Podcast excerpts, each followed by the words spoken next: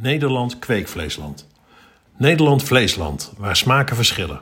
Onder deze titel is op 1 september een campagne van de vleessector begonnen om de inspanningen te laten zien om het vlees zo diervriendelijk, duurzaam en gezond in de markt te zetten. Ik hoef niet te vertellen dat deze, zoals de sector noemt, start van de maatschappelijke dialoog flink wat heeft losgemaakt. En waarschijnlijk niet wat in eerste instantie beoogd werd. De lancering van Nederland Vleesland maakt duidelijk om wat voor hoeveelheden het gaat in Nederland. Per dag worden er ruim anderhalf miljoen dieren geslacht en onze vleesconsumptie wordt er ook niet minder om.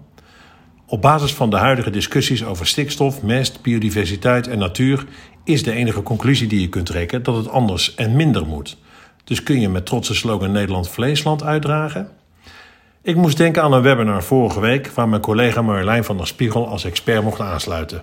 En ja, we kunnen toch wel trots zijn op de slogan Nederland Vleesland. Maar daar moet er wel een woordje voor. Nederland Kweekvleesland. Want tijdens dit webinar, georganiseerd door de X-Prize Foundation, getiteld Cultivated Meat Regulatory Landscape Europe Edition, werd duidelijk dat Nederland in de EU leidend is qua kennis, bedrijven en ontwikkeling.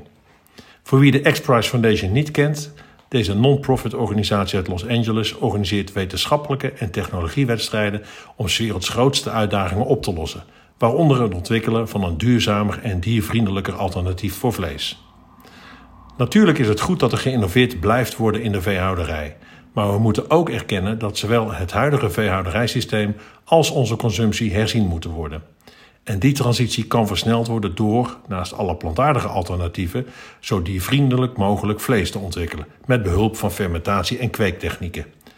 En ik besef me terdege dat voor de uiteindelijke acceptatie ook de benaming van dit soort vlees nog verder moet ontwikkelen.